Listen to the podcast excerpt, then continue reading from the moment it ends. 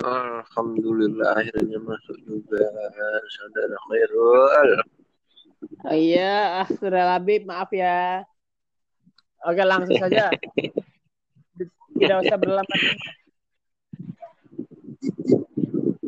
Nah, betul. Hop, hop, Hmm? hop. Hap hap hap apa tuh? Bagaimana sekarang kita nih? Jadi, Bagaimana? Opening dulu lah. Gimana? Kan di Opening dulu. ding, ding. Oke. Asikue. Apa tuh Asikue? Si kue asik gimana sih? Asik. Oke, jadi sebelumnya perkenalkan dulu nih kita dari mahasiswa STCB semester Ya. 3. Iya. Jadi di sini kita akan berbincang mengenai perilaku Prinsip konsumen ekonomi. dalam Asik. bukan ini dulu masih banyak kita. Oke. Jadi jadi gini saudara. Bang, saya Ayo. mau nanya nih. Oh iya betul boleh boleh. Perilaku konsumen dalam perspektif Islam itu kayak gimana sih? Jadi gimana ya? Jadi sebelumnya itu inti dari ekonomi Islam itu kan ini ya penyikapan manusia terhadap harta. Dan Iya. itu dalam ada cari harta, terus gimana nyimpennya, terus konsumsinya gimana, belanjanya gimana, terus di sistem ekonomi itu ada empat prinsip utama. Yang pertama tuh hidup hemat dan tidak bermewah-mewah. Jadi Iya. itu bermakna juga kita haruslah memenuhi kebutuhan bukan keinginan. Jadi kita harus mementingkan kebutuhan kita dulu apa baru ntar misal udah kepenuhi baru keinginan gitu. Nah, terus yang kedua tuh ada implementasi zakat. Zakat, infak, sedekah itu merupakan salah satu saluran penyeimbang dari saluran kebutuhan individual yang disebut sebagai saluran konsumsi sosial. Nah, saluran ini tuh cuman ada di ekonomi Islam doang. Terus yang ketiga tuh ada penghapusan dan pengeluaran riba. Riba gimana ya, jahat banget tuh ya. Soalnya dengan riba tuh itu merugikan salah satu pihak dan menguntungkan banyak sih buat, buat yang salah sepihaknya lagi. Nah, terus makanya itu di dalam ekonomi Islam tuh riba tuh dilarang. Nah, terus gimana caranya biar Islam bisa dapat keuntungan dalam sistem bagi hasil? Nah, itu tuh dari mudorobah dan musyarakah sebagai ganti sistem kredit atau bunga. Terus ada lagi nih menjalankan bisnis yang halal, yang keempat tuh yang terakhir. Jadi ya gimana lah kan Islam harus pentingin halal dulu ya baru ntar selanjutnya bisa ke mana-mana gitu. Yang penting halal dulu. Jadi kita harus berhati-hati dalam bertindak, bisa memilih mana yang benar dan baik, eh benar yang benar dan salah gitu. Oke. Nah, Saudara Irul, nampaknya koneksi Anda sangat buruk ya.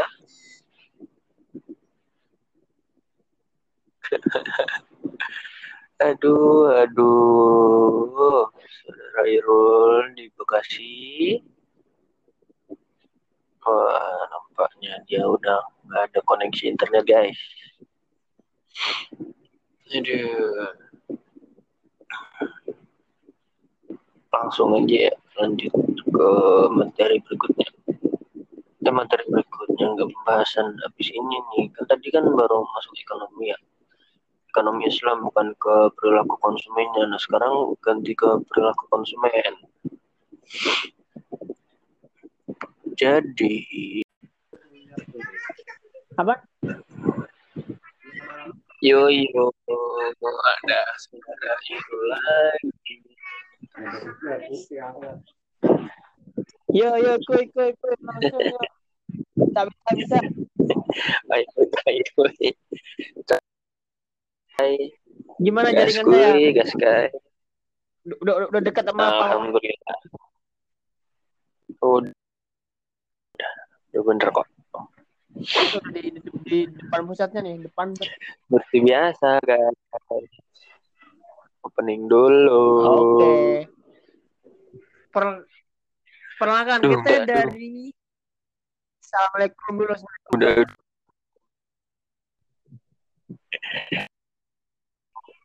Oh iya, assalamualaikum dulu lah, palain Rul. Oke, Assalamualaikum warahmatullahi wabarakatuh. Perkenalkan. Yo, waalaikumsalam warahmatullahi wabarakatuh. Oke, perkenalkan kami dari mahasiswa STICD Nah, betul. jurusan manajemen bisnis 2019. Mm-mm.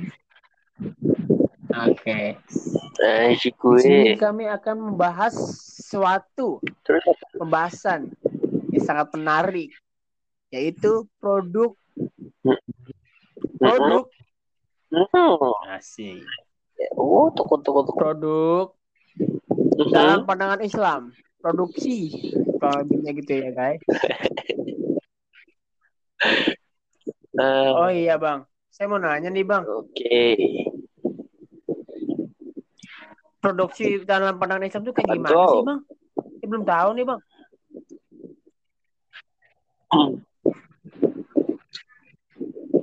Nah, jadi produksi dalam pandangan Islam tuh ini. Islam kan mandang kalau bumi itu sama isi-isinya Iya. itu kan merupakan itu amanah dari Allah ya kepada sang khalifah agar dibergunakan sebaik-baiknya bagi kesejahteraan bersama. Nah, khalifah itu kan kita sebagai kita dilahirkan sebagai khalifah untuk memimpin bagaimana bumi ini akan menjadi dan ke mana ke depannya dan gimana gimana ke depan gimana Buset gimana dah. gimana iya bang iya intinya gitulah ya kita harus kita harus apa namanya mempergunakan sebaik-baiknya buat kemaslahatan bersama. Nah terus kegiatan produksi ini gimana ya? Ntar dulu ntar itu masih lama. Jadi salah satu pemanfaatan yang telah diberikan kepada sang khalifah adalah kegiatan ekonomi dan lebih sempit lagi kegiatan produksi. Jadi Islam ngajarin ke khalifah tuh buat memakai dasar yang benar agar mendapat keridhaan dari Allah. Itu ada di surat Al-Jasiyah ayat 13 yang artinya dan dia telah menundukkan untukmu apa yang di langit dan apa yang di bumi semuanya sebagai rahmat daripadanya. Sesungguhnya pada yang demikian itu benar-benar terdapat tanda-tanda kekuasaan Allah bagi kamu yang berpikir. Nah, konsep ini tuh bermakna bahwa ekonomi Islam berdiri atas kepercayaan bahwa Allah adalah satu-satunya pencipta, pemilik, dan pengendali alam raya yang dengan takdirnya menghidupkan dan mematikan serta mengendalikan alam dengan ketetapannya. Nah, itu makanya tadi bumi dan sisinya itu adalah milik Allah semuanya. Nah, terus ini apa namanya? Prin- pada prinsip Islam juga lebih menekan produksi demi untuk memenuhi kebutuhan orang banyak, bukan hanya memenuhi kebutuhan segelintir orang doang dan yang punya uang tuh. Jadi kita tuh adil sehingga memiliki daya beli yang baik. Karena itu bagi Islam produksi yang surplus dan berkembang baik secara kuantitatif maupun kualitatif tidak dengan sendirinya mengindikasikan kesejahteraan bagi masyarakat. Apalah arti produk yang menggunung jika hanya bisa didistribusikan untuk segelintir orang yang memiliki uang banyak? Buat apa coba? Sebagai modal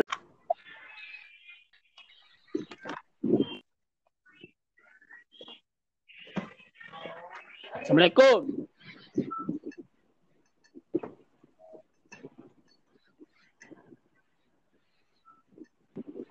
Durung dung dung durung Oke. dung dung yes ada khairul guys. Halo, halo, kembali lagi bersama halo. Asik sih Aduh.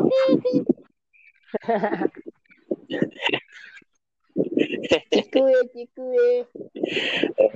Gue. Iya, Eh, Babang Irul. bahas Nah, teori sekarang bahas apa nih? Penawaran Islam, Bang Labib.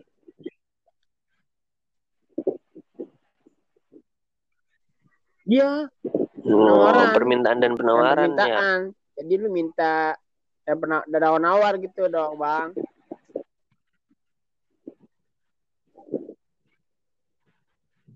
Iya, begitu dah. Aku Gimana sih? Intinya mah itu ya. kita buka. Belum aja. Assalamualaikum kita podcast warahmatullahi wabarakatuh.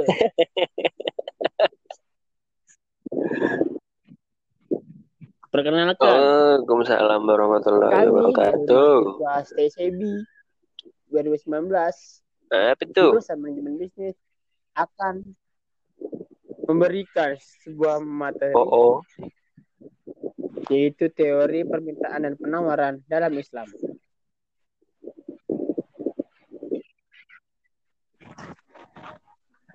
Nah, Ini iya, bang, iya. tuh bang.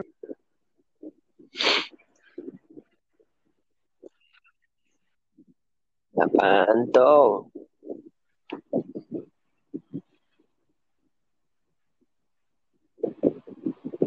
Tanya apa, Khairul?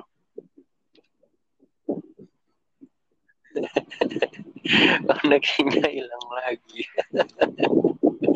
aduh, aduh. Khairul Mutazam, Khairul Mutazam.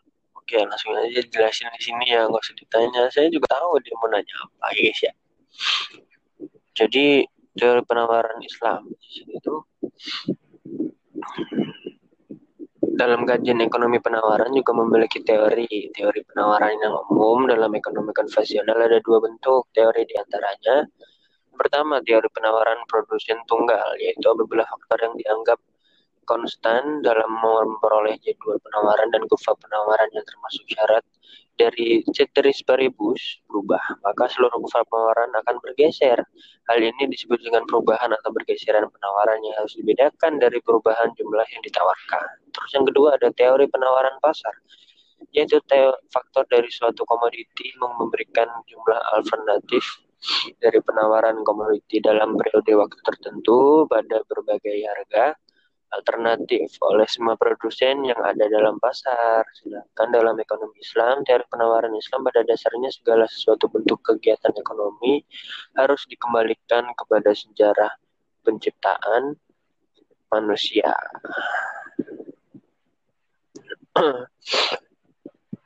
Nah, terus berhubung ada kaitannya dengan produksi dalam berekonomi, maka larangan akan kerusakan itu digunakan untuk memberikan arahan terhadap nilai dan panduan moral terhadap manusia itu sendiri. Sebagai contoh dari maksud kerusakan itu ialah yang pertama, larangan produksi yang dapat mengakibatkan kerusakan alam dan lingkungan. Kayak penebangan hutan liar buat ngambil kayu, terus bikin apa namanya tekstil terus buangnya di sungai kan mencemari lingkungan terus itu merugikan masyarakat banyak. Terus yang kedua larangan produksi yang dapat membuat rusaknya kesehatan dan rusaknya moral dan keprib- kepribadian. Kayak apa namanya narkoboy terus sabu-sabu ya gitulah yang disalahgunakan. Kan itu bisa merusak kesehatan dan rusaknya kepribadian seseorang dari larangan dalam hal etika dan moral tadi tentu saja berpengaruh terhadap fungsi penawaran barang dan jasa itu sendiri. Terus ada juga nih teori penawaran. Ini teori penawaran. Ya intinya itu dah. Terus kesimpulannya dalam kegiatan ekonomi konvensional maupun ekonomi Islam permintaan dan penawaran adalah dua konsep yang mendasari kegiatan perekonomian secara luas. Permintaan dan penawaran itu sendiri merupakan dua kata yang sering digunakan oleh para ekonom- ekonomi. Keduanya dijaga sebagai kekuatan-kekuatan yang membuat proses kegiatan ekonomi dapat bekerja. Selain itu, permintaan dan penawaran juga memiliki hukum-hukum di mana hukum dari permintaan dan penawaran ini berlaku apabila dalam suatu periode tertentu dan Aduh, Halo. hola, hello. Aduh.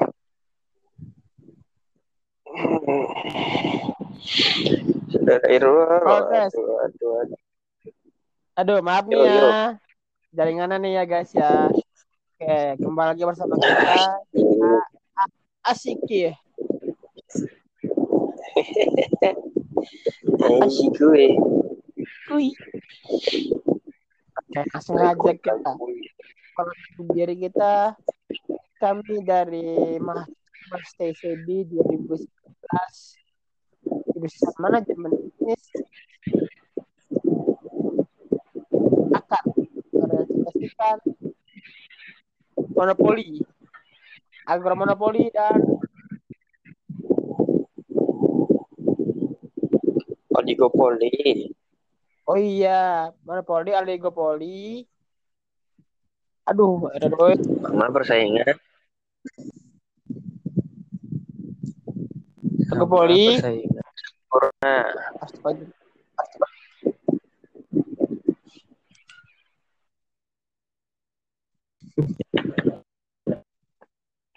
Ini saudara Irul HP.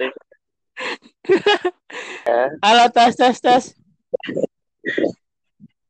tas tes tas tes. Jadi Ya, kita guys. membahas ini nih? Error, error, error. Sembah error. Apa lagi ya? error. Allah, antum Bisa dimulai? Oke, lanjut. Bahas apa nih kita? Lanjut-lanjut aja. Hei, Irul, Multazam. Subhanallah. Aduh, oke, jadi di sini langsung aja pindah ke saya lagi ya kayak sebelumnya.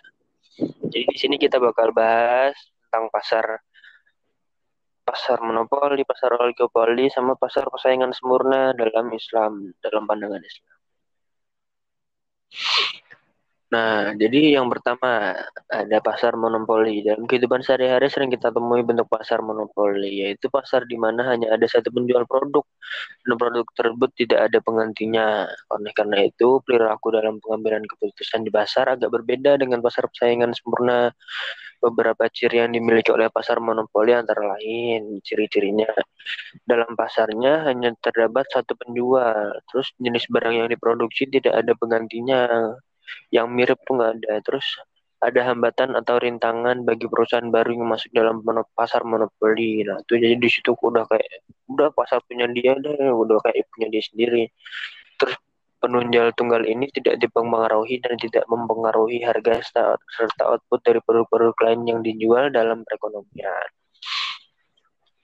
Nah, terus ada pasar oligopoli. Di antara dua bentuk pasar yang ekstrem tersebut, terdapat bentuk antara yang mempunyai unsur persaingan sempurna dan monopoli. Atau yang biasa disebut bentuk tengah, yang menengah gitulah, enggak ini, Oh ini iya banget. bang. Nah, terus udah ada nyambung ya, ya. Nah, terus terus ciri-ciri oligopoli ini yang pertama terdapat sedikit penjual yang menjual produk substitusi atau produk pengganti yang artinya kurva permintaan dengan elastisitas silang yang tinggi. Terus yang kedua terdapat tantangan untuk memasuki industri oligopoli. Hal ini karena perusahaan yang ada dalam pasar hanya sedikit, jadi peluang masuknya banyak. Terus keputusan harga yang diambil oleh suatu perusahaan harus dipertimbangkan oleh perusahaan yang lain dalam industri. Nah, terus yang ketiga ada pasar persaingan Apa tuh, Bang? sempurna, suatu kondisi pasar di mana terdapat banyak penjual. Di situ kondisi pasarnya banyak penjual sama pembeli. Nah, terus ciri-cirinya tuh kayak apa ya? Terdapat banyak penjual dan pembeli, masing-masing penjual hanya berbagian merupakan bagian kecil dari pasar secara keseluruhan. Barang yang dihasilkan bersifat homogen. Bukan impor ya, ekspor berarti Homogen bang itu ya? artinya apa yang dimasuk Iya bang. beda, Oh, beda. lah. Itu beda lagi. Bisa aja sih, Oh bisa aja. bisa aja. Cuman ya Itu Jarang. kalau kayak gitu pasar induk atau pasar tradisional bang? pasal tradisional sih lebih ke pasal Oh pasar tradisional. Oh. Nah, terus adanya kebebasan keluar masuk industri bagi konsumen maupun bagi produsen. Artinya bila menguntungkan pengusaha bebas membuka pabrik baru, tetapi bila rugi mereka bisa menutup usahanya. Terus informasi mengenai pasar, perubahan harga dan peminat permintaan mudah didapat. Terus karakteristik pasar persaingan sempurna. Yang pertama, penjual dan pembeli harus jumlahnya banyak tuh, rame. Jadi sana bisa ribut, bisa jual beli, bisa apa-apa di sana udah terserah. Yang penting banyak. Dalam persaingan murni harus terdapat banyak penjual dan pembeli sehingga masing-masing penjual hanya merupakan bagian kecil dari pasar keseluruhan. Seorang penjual tidak dapat mempengaruhi harga pasar, satu-satunya unsur yang dikuasainya hanyalah kuantitas barang yang ditawarkan. Harga di pasar dianggap sebagai datum yang tidak dapat dipengaruhi oleh seorang penjual meskipun dia tahu jika kuantitas yang ditawarkan dikurangi menurut hukum pasar akan naik yang yang kedua barangnya bersifat homogen. Hmm, homogen juga. Ya, barang Iya, jadi barang yang diproduksi oleh seorang produsen merupakan barang substitusi dari barang yang sama yang diproduksi oleh produsen lain. Oleh karena itu konsumen bersifat independen yang terhadap kelompok penjual karena sebagai konsumen semua penjual adalah sama sebab barang yang dibutuhkan praktis tidak ada bedanya. Terus yang ketiga adanya kebebasan keluar masuk industri yang kita di hal ini jika menguntungkan maka produsen bebas untuk membuka pabrik. Tapi kalau rugi ya udah tutup. Tutup bangkrut dong bang. Ya iyalah gimana oh, iya. sih. Itu makanya konsekuensinya kan kita harus bisa mengambil konsekuensi harus berani. Iya. Ya kalau untung ya untung, kalau ya rugi ya udah berarti konsekuensinya. Belum tikar. Nah, terus ada Apa lagi bang? nih. Tadi kan ya. yang iya. konvensional sekarang Tadi kan konvensional sekarang yang Islam nih, pasar persaingan sempurna dalam Islam. Mekanisme pasar yang Islami menurut Ibu Ibnu Taimiyah haruslah memiliki kriteria seperti berikut. Yang pertama, orang harus bebas untuk keluar masuk pasar, memaksa menunduk memaksa penduduk menjual barang tanpa ada kewajiban untuk penjualnya adalah tindakan yang tidak adil dan ketidakadilan itu dilarang. Yang kedua, tingkat informasi yang cukup mengenai kekuatan-kekuatan pasar dan barang-barang dagangan adalah perlu. Yang ketiga, unsur-unsur monopolistik harus dilenyapkan dari pasar sehingga segala bentuk kolusi antara kelompok para penjual dan pembeli tidak diperbolehkan. Homogenitas adalah standarisasi produk yang sangat dianjurkan ketika terjadi pemalsuan produk, penipuan, dan kecurangan-kecurangan dalam mempresentasikan barang-barang tersebut. Nah, terus yang kelima, setiap penyimpangan dari kebebasan ekonomi yang jujur seperti sumpah palsu, pen penimbangan tidak dapat dikecam oleh ajaran Islam. Tuh, jadi yang curang-curang dikecam sama ajaran hmm. Islam. Hmm, ya seperti itulah. Oke, jadi pembahasan kita cukup sampai di sini saja ya. Iya, Bang. Kenapa tuh? Uh, kesimpulan dari semua itu apa ya bang ya? Jadi kita harus menentukan gimana ya dalam teori penawaran, permintaan, produksi, dan apa yang pertama tadi itu? Produsen ya? Eh? Betul kan itu beda tema. Kan sekarang oh. temanya cuma oh, pasar. Oh, pasar kita ya. Macam-macam pasar. Oh iya beda lagi. Iya sekarang kan cuma macam belum kayak menjenjang yang lainnya ya? Yeah, oke okay, deh. timbun juga nih. Belum sabar dulu. Mungkin cukup sekian bang ya dari kita bang ya. SM dulu SM cukupin aja. Iya cukupin aja. Oke okay. teman-teman mungkin uh, presentasi atau podcast yang sangat bermanfaat ini dari Akhlabib dan saya sebagai MC. Kurang lebihnya mohon maaf. Asik gue. Ya, asik gue. Bet. Kurang lebihnya mohon maaf. Bila taufiq wal. Assalamualaikum warahmatullahi wabarakatuh. Yo, oi.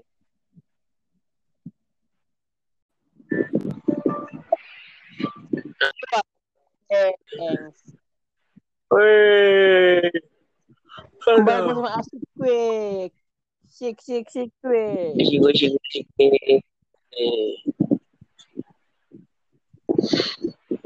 Oke lanjut. Gimana nih Bang? Sehat? Alhamdulillah sehat selalu Bang. Oh iya maaf ya teman-teman. Tuh. Ada sedikit. Oke. Eh, kemarin sih kan? Apaan tuh? Yang dari terakhir. Dari terakhir gimana? Terakhir tadi. Apaan? Tadi gimana terakhir? Belum, ini, ini belum. Oh, Tuan. lanjut. Belum, belum Oke. Tuan. Oke, masuk ke inti pembahasannya ya teman-teman. Biasalah, kami dari mahasiswa SIB 2019 jurusannya manajemen manajemen bisnis kawan-kawan. Mm-mm. Ini teman-teman di sini teman saya akan membahas beberapa Nasi gue.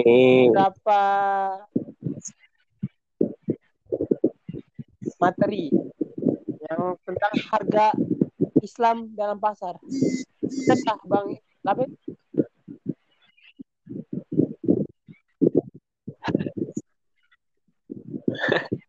Oh. Oh, Faktor-faktor yang memengaruhi harga dalam Islam bukan harga Islam dalam pasar. Aduh, kurang kayaknya. Aduh, aduh. Asepan lah. kurang makan nih kayaknya kurang nyebat.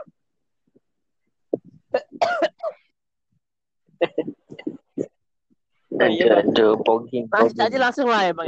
Kan batuk gimana sih mau pogging batuk. Aja lah. Apa tuh, Oke, Bang? jadi faktor yang member Kasih tahu dong. Oh iya iya iya langsung aja. Pertama Supply. ketersediaan barang. Apa gimana? Pertama supply. Supply barang. Supply kayak di PUBG. Itu ketersediaan barang. Oh, Pocinki. Oke, Bang lanjut. Iya kayak di Pocinki itu. Supply.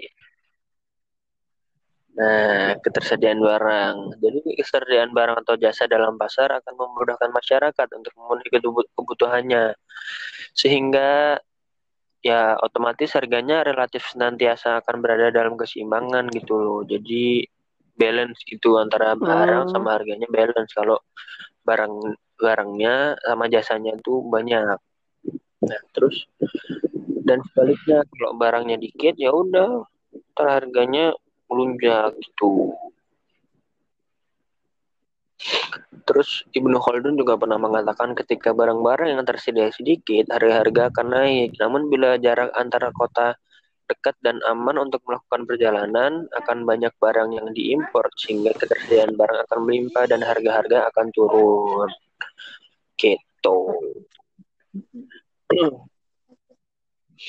Nah, terus yang kedua, rekayasa demand adalah produsen menyuruh pihak lain memuji produknya untuk menawar dengan harga tinggi sehingga calon pembeli yang lain untuk tertarik eh tertarik untuk membeli barangnya barang dagangannya.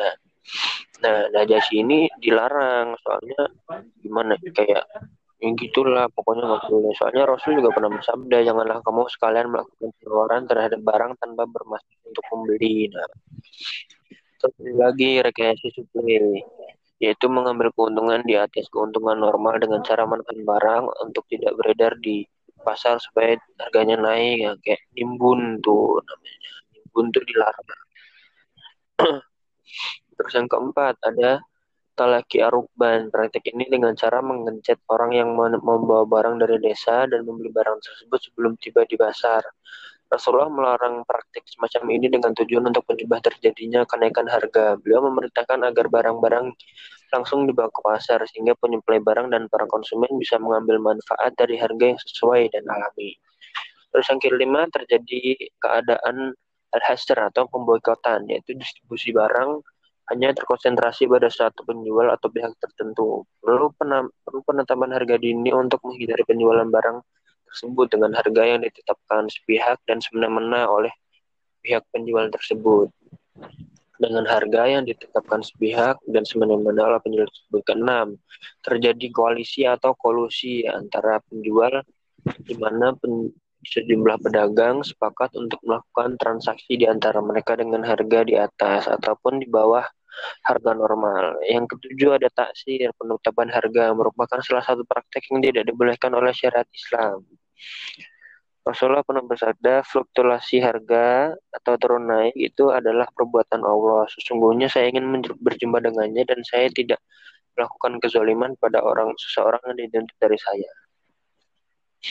Terus yang kedelapan adalah larangan ba'i bada ala bada, yaitu praktek bisnis ini maksudnya adalah dengan melakukan lonjakan atau penurunan harga oleh seseorang, di mana kedua bertawar menawar mesti melakukan dealing atau baru akan menyesuaikan tetapan harga. Rasulullah sama semacam ini kan akan menimbulkan harga eh kenaikan harga yang tidak diinginkan. Terus yang kesembilan larangan max mengambil bea cukai eh bea, bea cukai atau pungli itu pembebanan bea cukai sangatlah memberatkan dan hanya akan menimbulkan melambungnya secara tidak adil. Maka Islam tidak setuju dengan cara ini. Rasulullah ini bersabda tidak akan masuk surga orang yang, mengam, Tapi yang kok, mengambil kok mahal ya, bea ya? cukai. Tapi kok kalau mahal ya? rokok ada bea cukainya itu harusnya nggak ada, gitu ya. Terus Ya itu gimana makanya kan Oh. cukai dilarang. Kalau coba kalau rokok nggak ada bea cukainya, pasti Apakah banyak yang beli. Mengalami, mungkin Bang? maksudnya di situ. Beli-beli rokok Makanya rokok gitu, kan kita harus positif thinking. Apakah abang udah merasakan? Apa? Mungkin mereka paham, cuman mungkin mereka paham, cuman kan masih ada faktor-faktor lain di belakangnya yang mereka Oh, bisa oke oke oke. apa ya Oke, bisa jelaskan kenapa bea cukai ini diadakan gitu loh.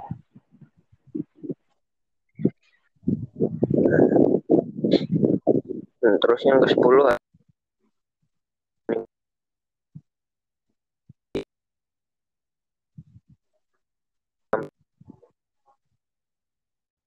apabila penjual dan pembeli mempunyai informasi yang sama tentang barang yang akan diperjualbelikan. Apabila salah satu pihak tidak mempunyai informasi seperti yang dimiliki oleh pihak lain, maka salah satu pihak akan merasa dirugikan dan terjadi kecurangan atau penipuan. Nah, kesimpulannya, Islam menempatkan pasar pada kedudukan yang penting dalam perekonomian. Praktik ekonomi pada masa Rasulullah dan Khulafaur Rasyidin secara tabi'in menunjukkan adanya banyak peranan pasar yang sangat besar. Rasulullah Shallallahu Alaihi Wasallam sangat menghargai harga yang terbentuk oleh mekanisme pasar sebagai harga yang adil. Beliau menolak adanya intervensi harga.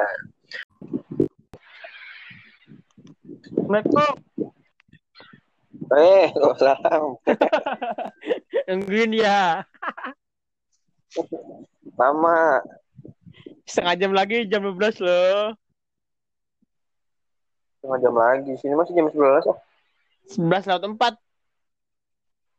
Sudah sudah tiga, 4. tiga. Oke, asik gue. Langsung aja. Nggak usah banyak ngomong kita Aduh. langsung. Aduh, aduh. Wah, sebenarnya itu ya teman-teman. Apaan tuh? Hah? ya langsung aja mulai podcast ini. Palain. Seperti biasa. Lain ya. Nyoy. Kita mulai dengan baca basmalah bersama-sama. Bismillahirrahmanirrahim. Oke, pengenalkan. Eh, saya dan teman saya Oh, Labit Anam Anapi.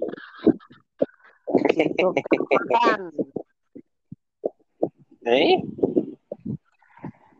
Berat badan nggak turun-turun. Nambah terus yang ada. Nggak apa-apa dong, kan kita harus berkembang dan berkembang. Oh iya. Berkembang biak ya? Beda lagi itu mah. Oh, udah lagi. Mengkut. Oke, langsung aja, Bang.